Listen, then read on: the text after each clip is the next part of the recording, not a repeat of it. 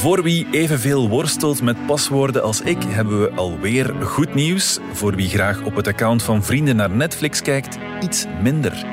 Het vreemdste nieuws komt deze week evenwel van op Mars, waar microben die de planeet hadden kunnen leefbaar maken zichzelf hebben uitgeroeid.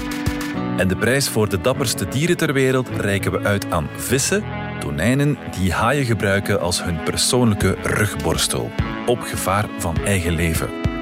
Het is vrijdag 21 oktober en van de Standaard is dit Bits en Atomen met Dominique Dekmijn, Pieter van Doren en hun gastheer Bart Dobbelaren.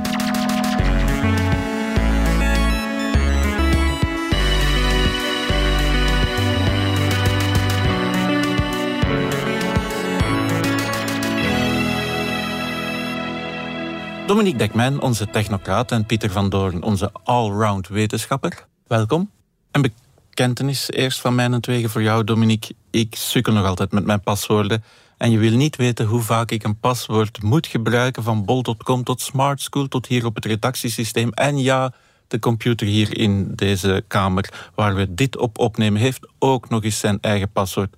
Dus, Dominique, ik ben blij dat jij goed nieuws hebt. Ja, de, de eindoplossing komt dichterbij, maar is, is er nog niet helemaal. Enfin, Google had laten weten dat je in een proefversie van de Chrome-browser, die heet trouwens Chrome Canary, je, kan, je kunt hem installeren, maar daarin zit eigenlijk die nieuwe technologie, die passkeys, die uh, wachtwoorden heel binnenkort overbodig zullen maken in veel situaties. En ik moet dat geloven. Wel, ik was er een beetje mee aan het rondspelen en er werkt al redelijk wat.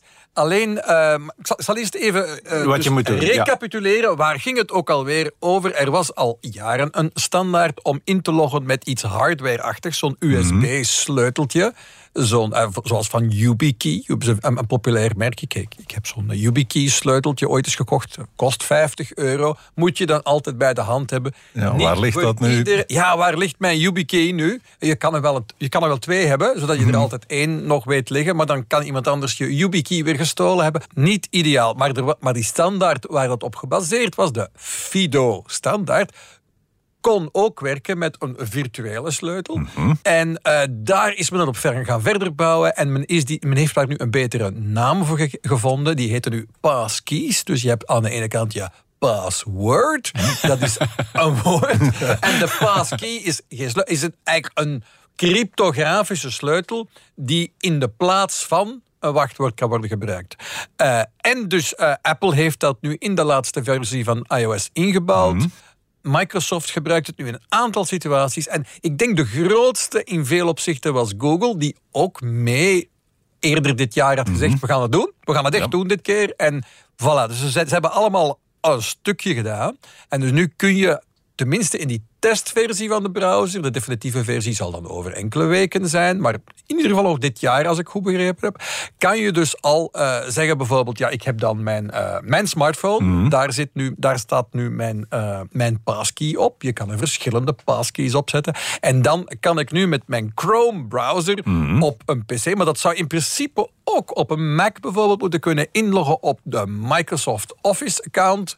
Uh, om mijn Microsoft Office toepassingen te gebruiken. En daar kan ik kiezen dat ik mij identificeer met mijn passkey. Mhm. En dan moet ik zeggen welke passkey. En kijk, die staat hier op die telefoon. En wat ik dan eigenlijk gebruik is de vingerafdrukherkenner van mijn telefoon. Ik leg mijn duim op de, op de vingerafdrukker van de telefoon. Mijn telefoon herkent mij en stuurt mijn passkey door uh, naar, in dit geval Microsoft. Tot zover lukt het allemaal al. Doet mij Dus denken aan It's Me. Uh, ja, ja, ja, dus, dus, ja. je zit eigenlijk met, met een soort gelijkaardige aanpak van identificatie. Dat is uh, wel degelijk zo. Um, maar het hele idee is van, we willen het voor iedereen en altijd oplossen. En dus in plaats van een wachtwoord dat je de mogelijkheid hebt, je bent daar niet toe verplicht, maar dat je kunt zeggen van ja, maar ik, ik gebruik de passkey op een smartphone, dus dat wil zeggen dat ik in principe altijd mijn smartphone bij heb. Dan is de grote vraag altijd meteen, wat als ik mijn smartphone uh, verloren Met- ben, als ik ja, thuis met heb laten liggen, smartphone. dan is de situatie in wezen hetzelfde als wanneer je je wachtwoord bent vergeten, dan moet je dat resetten. Eh, ja, natuurlijk, ja, dat is hetzelfde principe. Er is een methode om toch binnen te geraken als je je wachtwoord vergeten bent. En er is een methode om binnen te geraken als je je passkey kwijt bent. Maar die passkeys kun je ter- terugkrijgen omdat die eigenlijk in de backup van je smartphone staan. Dus je kan een backup van je smartphone herstellen. En dan heb je in principe ook je passkeys terug. Alles wat al werkte voor wachtwoorden, werkt eigenlijk ook voor die passkeys.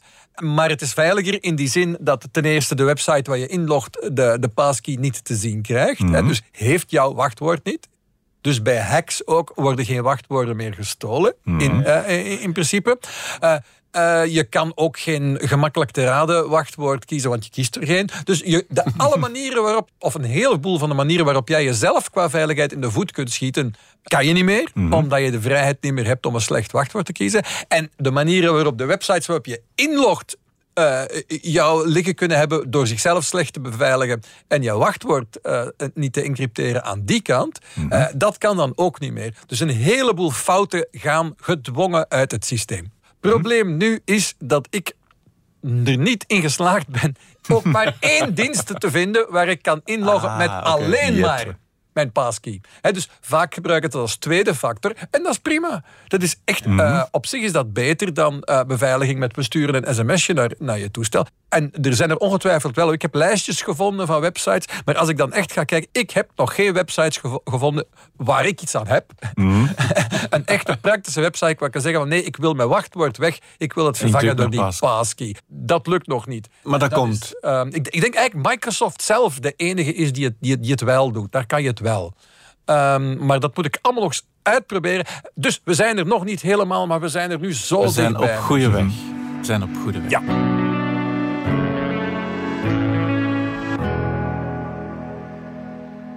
Pieter, jij hebt, denk ik, een zwak voor Mars. Nogal, ja. Ja, en jij gaat ons vandaag vertellen waarom microben destijds de kans hebben gemist om van Mars een bewoonbare, mooie planeet te maken. Ja, ze hebben zichzelf in de voet geschoten.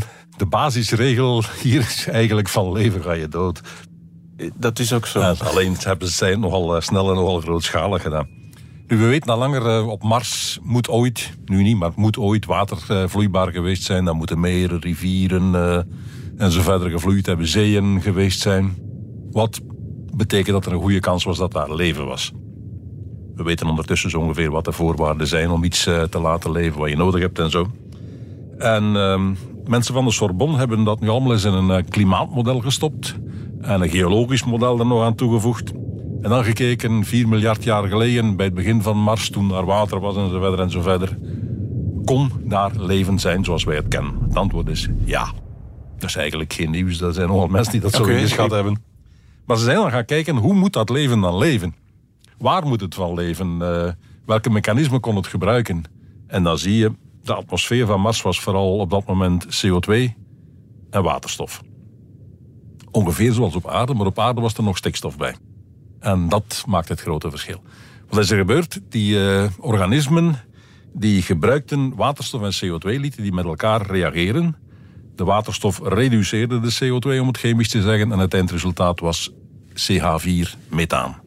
Allemaal prima, alleen ze deden dat zo massaal. Dus het moet ongeveer evenveel geweest zijn als er vandaag in onze oceanen al leven zit.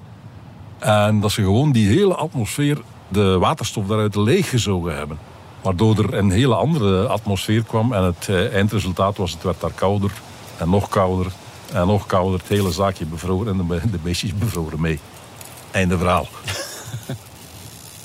Op aarde is dat niet gebeurd, omdat er in onze atmosfeer heel wat stikstof zat, waardoor er andere reacties begonnen te spelen en andere manieren van eh, reageren op zonlicht. En onze eh, atmosfeer is wel gebleven.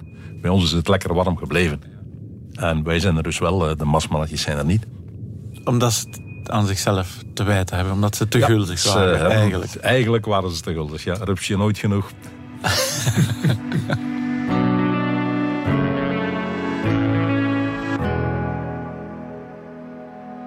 Dominique, jij hebt nieuws meegebracht over Netflix. En in dit geval ben ik geneigd het minder goed nieuws te vinden. Er gebeurt veel bij Netflix, Ja. zullen we het maar zo zeggen. Eh, maar een van de dingen die gebeurt is dat ze net hebben aangekondigd dat ze een fijne nieuwe eh, feature hebben. Een, een, een fijne nieuwe functie die je kunt vinden dus in goed je. nieuws, Ja, goed nieuws. Je, je kan voortaan je Netflix-profiel, al je informatie die je daar hebt opgeslagen. Het gaat dan over welke films heb ik allemaal bekeken en welke vond ik goed en welke wil ik allemaal nog bekijken. En hoe ver zat ik precies in die film, dat soort dingen. Hè? Eh, dat kun je voortaan uit je profiel halen en naar een nieuwe Netflix-account kopiëren. En dat is ja, een fijn nieuw instrument natuurlijk, dat, want dat kon vroeger niet. Maar en meer waarom zou je dat willen kunnen? Ja, natuurlijk. Als je gedwongen bent om te verkassen naar een andere Netflix-account, Eén scenario is, het is uit met je lief. En mm ieder wil nu zijn eigen eh, Netflix-account. Dat kan. Kan gebeuren. Ja. Maar je kan ook uh, heel goed bevriend blijven met je lief en toch samen die Netflix blijven delen. Kan natuurlijk ook. Maar dan zie je die naam daar altijd opduiken. Dat is scenario 1. Maar scenario 2, en daar gaat het dan volgens veel mensen eigenlijk om, zou zijn als er op een bepaald moment uh, een automatisch mailtje komt van wij hebben vastgesteld dat de twee personen die deze Netflix-account gebruiken, echt op een ander adres wonen. En uh, ja, dat is, het zit niet helemaal goed. Of jullie zijn met echt wel veel te veel mensen op verschillende adressen deze account dat gebruiken. Ja op dit moment, als ze je uit die account wippen, dan mhm. moet je helemaal opnieuw beginnen. en weet dan niet meer waar je gebleven was in elk van de series die je volgt, of welke serie je het volgende wilde zien. Dus al die informatie is gewoon uh, verloren. En dus nu zal het zo zijn dat op het moment dat je dus gewipt gaat worden, dat je dan minstens eventjes naar je een Netflix-profiel kunt inloggen en zeggen van ja, wil je alstublieft al mijn gekeken films en mijn voorkeuren kopiëren naar deze nieuwe Netflix-account. Hm. En dat zit er aan te komen. Dat heeft Netflix eigenlijk al laten weten, enkele maanden geleden. We gaan er wat mensen die die accounts delen uitbonjouren, want eigenlijk mocht dat nooit, maar dat mhm. werd gedoogd. Ze dachten, ja, we hebben daar geen probleem mee mensen die samen een account delen, ja, uiteindelijk hebben ze allemaal samen toch wel betaald. Maar het probleem is dat de, de beurs zit op Netflix toe te kijken. Het aantal kijkers, ja, tot hiertoe groeide dat gewoon. Mhm. Dus dan, dan maakte het niet uit dat sommige mensen een, beetje, uh, een beetje delen. En nu moet het uit zijn. nu is het betalen. Uh, en dus ja, ze hebben al wat testjes gedaan van mensen een beetje een por te geven. Mhm. Maar de, het, het, zit er duidelijk aan te komen dat, je, dat een heleboel mensen, ook bij ons te landen, uh, dus een vriendelijke uitnodiging zullen krijgen om deze nieuwe functie te gebruiken. En met heel hun profieltje en al hun bekeken films te verkassen naar een nieuwe account die ze zullen moeten betalen. En dan was er half goed nieuws bij ook, dat, uh, dat je dan minder moet betalen. Dat had u mhm. waarschijnlijk ook gehoord. We hebben het hier ook al over gehad. Er komt een versie van Netflix met reclame. Maar laat die nu net niet bij ons komen. Maar het komt wel dichtbij.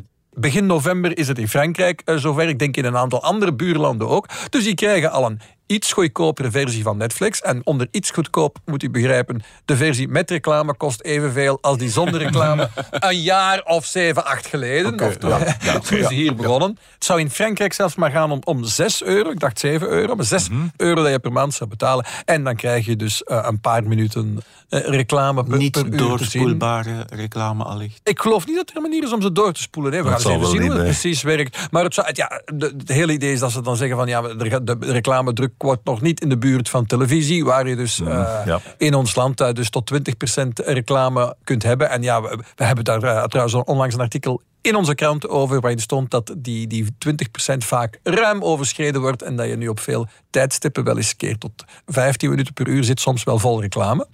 Wat mag als je dan op een ander uur wat minder hebt. Er is best wel heel veel reclame. Dus dat, als je nu zegt van kom Netflix uh, met een klein beetje reclame en je bespaart wat geld. Ja. We, we, gaan, we gaan zien. We gaan zien hoeveel... Uh, dus het druppelt nu in Parijs en dan zou het op een bepaald moment inderdaad hier uh, in, in, Brussel en omgeving waarschijnlijk ook regelen.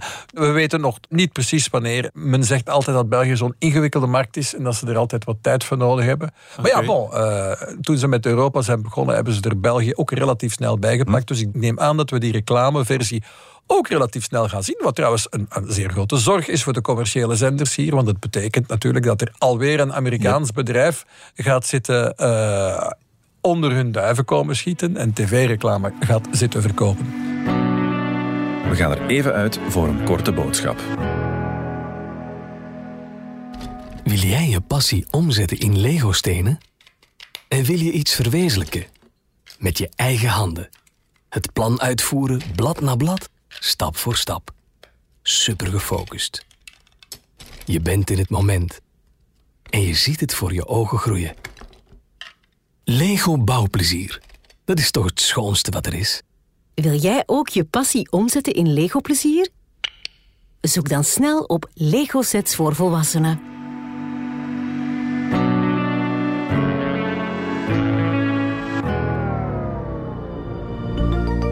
En nu gaan we met Pieter van Doorn naar de spannende wereld onder de zeespiegel. Hm. Waar haaien leven en tonijnen die met ware doodsvraag die haaien een bezoekje brengen. Ja. Wie had dat ooit gedacht? Het probleem voor eh, heel veel vissen is, er zitten in water ook parasieten, eh, wormpjes, eh, schimmels die zich op hun huid vestigen en daar jeukende en nog ergere dingen doen. Als je een vis bent in de buurt van de kust, is dan niet dan vind je altijd wel iets waar je je eens lekker kunt tegenschuren. Ja. Zoals een beer tegen een boom. Zo. Maar in volle zee, wat moet je doen? Je kunt hooguit tegen een soortgenoot aanschuren, maar die vindt dat absoluut niet leuk. Blijf weg met je vieze beest. is ook veel te glad om, om echt te kunnen schuren. Dat werkt niet. Maar in zee is er een heel goed schuurmiddel en dat zijn haaien.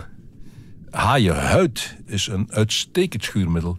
Het wordt ook door ons uh, vandaag nog gebruikt als uh, schuurpapier. Ja, ja, uh, handgrepen van zwaarden bijvoorbeeld, die waar je greep ook vast moet blijven, ook al zijn die glibberig van het bloed, die werden heel vaak gemaakt met haaienhuid. Haaienhuid heeft hele kleine tandjes eigenlijk, eh, die allemaal in dezelfde richting liggen en gegroefd zijn. En die het water dat langs die haai glijdt kanaliseren, waardoor er veel minder turbulentie is, of net genoeg turbulentie, waardoor die haai heel soepel door het water gaat. Herinner je ook trouwens de haaienpakken uh, van een aantal jaren geleden, precies. die nu verboden zijn bij het zwemmen. Die bootsten die geribbelde structuur van die haaienhuid na. Perfect. Onder andere voor te zwemmen, onder andere als schuurpapier. Nu wat blijkt, Amerikaanse onderzoekers hebben nu in zee een aantal uh, camera's uitgezet met daaraan ook een haak met aas, waardoor er heel veel uh, vissen die kant op kwamen en die hebben dan gewoon gekeken wat gebeurt hier allemaal en wie doet wat met wie. En uh, nou, dan bleek dat de haaien af en toe wel een hapje namen. Ja. Maar dat een aantal vissen zich lekker tegen die haaien aanschurkten en dat die haaien dat helemaal niet erg vonden. Het leuke is, de parasieten zijn heel soortspecifiek. Een uh, parasiet voor een tonijn zul je nooit zien op een brasem of weet ik veel. En die springen dus ook niet van de tonijn over op de haai. Twee tonijnen die tegen elkaar schuren, dan geven ze elkaar gewoon de parasieten aan elkaar dood. Hier niet. Dus die haai vindt dat helemaal niet erg. Alleen, je moet wel verdomd zeker zijn dat de haai geen honger heeft op dit moment. Ja, want anders is het wel een makkelijke hap natuurlijk. natuurlijk, het is uh, beet klaar.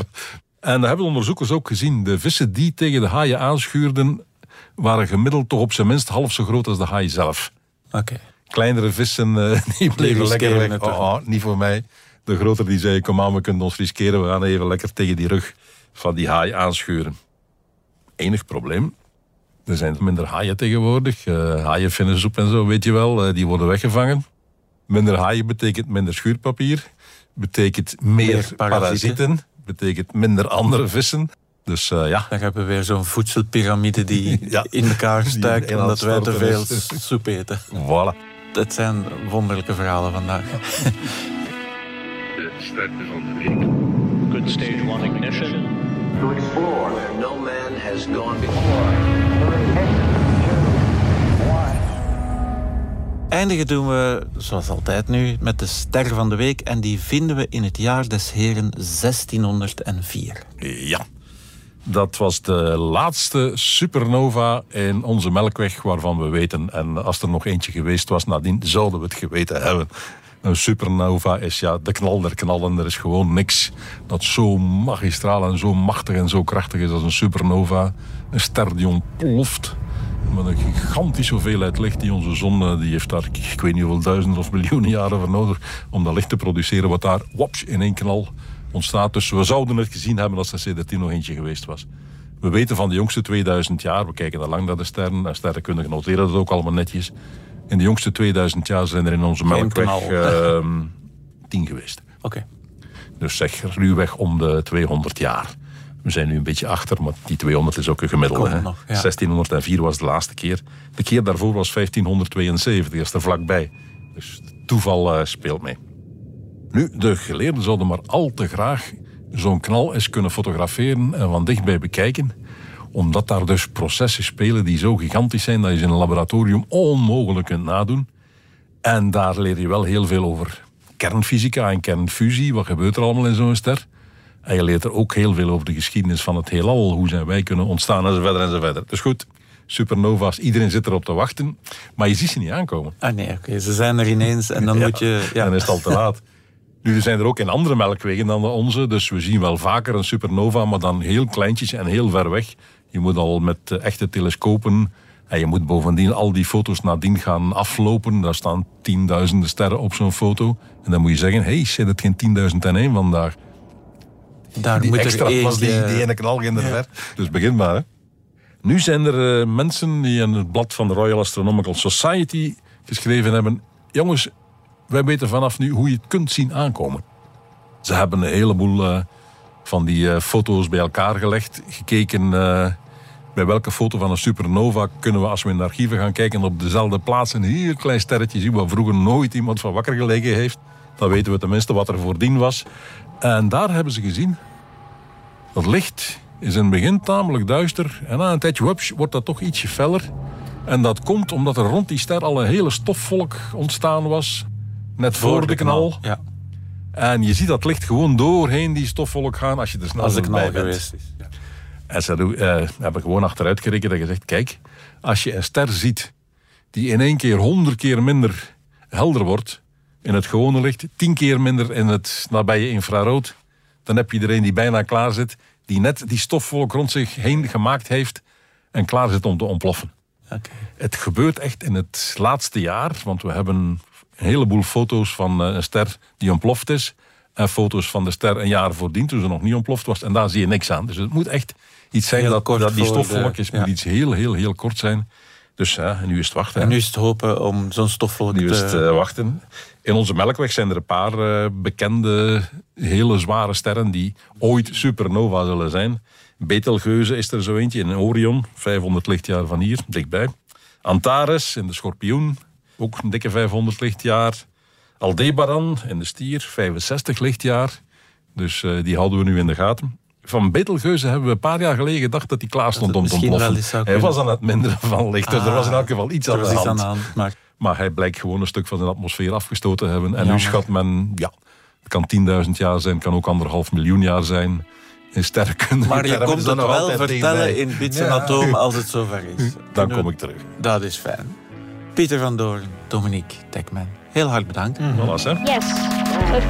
Dit was Bits en Atomen, de wekelijkse podcast over wetenschap en technologie.